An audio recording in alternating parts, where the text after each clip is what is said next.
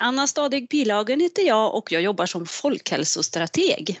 Och jag heter Malin Gustafsson. Jag jobbar också som folkhälsostrateg och vi finns på enheten för folkhälsa och social hållbarhet i Skaraborg.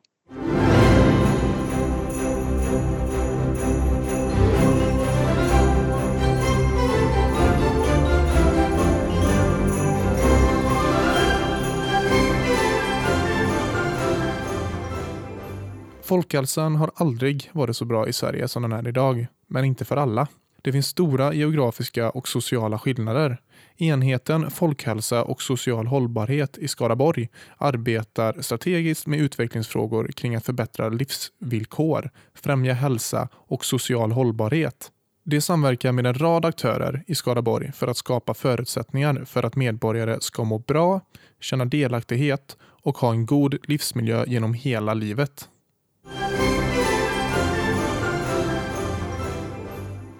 Hur ser folkhälsan ut idag i Västra Götaland?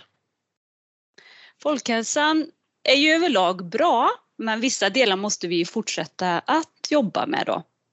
Och folkhälsa och social hållbarhet är ju en jättebred fråga och som handlar om att bygga samhällen där invånarna trivs och mår bra.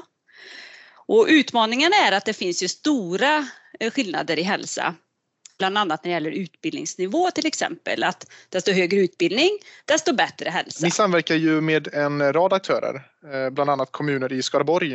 Eh, hur ser det samarbetet ut? Ja, vi utgår ju från något som kallas folkhälsoavtal som finns skrivet mellan varje kommun i Skaraborg och Östra hälso och sjukvårdsnämnden. Och de här avtalen beskriver hur vi som region och kommun kan eh, arbeta med folkhälsa tillsammans.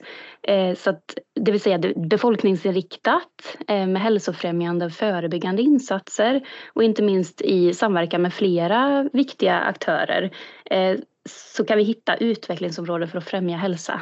Eh, så det kan ju vara till exempel akademin. Vi samarbetar mycket med Skaraborgs kommunalförbund, civilsamhället och frågor som är viktiga för oss det är ju till exempel fullfölja studier. Vi jobbar mycket med att främja psykisk hälsa. Vi jobbar med åldrande med livskvalitet. Vilka är de viktigaste insatserna som hälso och sjukvården kan göra för att förebygga ohälsa? Ja, I vårt arbete så vill vi lyfta tidiga insatser och, och det menar vi ju tidigt i en process eller tidigt i livet. Eh, som exempelvis arbetet med utökade hembesök till nyblivna föräldrar för att ge stöd och eh, upptäcka tidiga tecken på ohälsa. Hur kan ni vara en resurs för hälso och sjukvården i arbetet att förebygga ohälsa i befolkningen? Ja, men vi som jobbar som folkhälsostrateger, vi har ju våran placering ute i kommunerna. Eh, så att man kan ju säga att vi har ett ben i regionen där vi är anställda och sen så har vi också ett ben i kommunen där vi sitter till vardags. Eh, så att eh, på den vägen så har ju vi en möjlighet att eh, hjälpa till att driva samverkansfrågor på lokal nivå och där har ju vi mycket gemensamma nämnare tänker jag mellan region och kommun. Till exempel psykisk hälsa och främja det och det suicidförebyggande arbetet.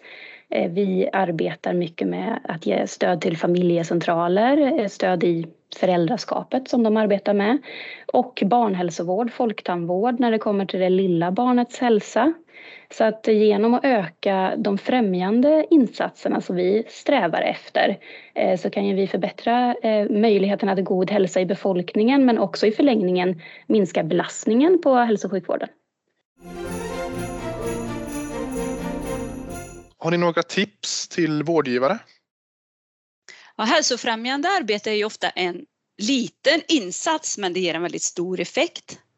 Så vi tillsammans behöver ju tänka utveckling här och vi måste våga prova nya insatser. Men även eh, hela syftet med en omställning till god och nära vård är ju att främja hälsan hos befolkningen och utveckla vård och omsorg tillsammans, vilket är fantastisk hållbar utveckling.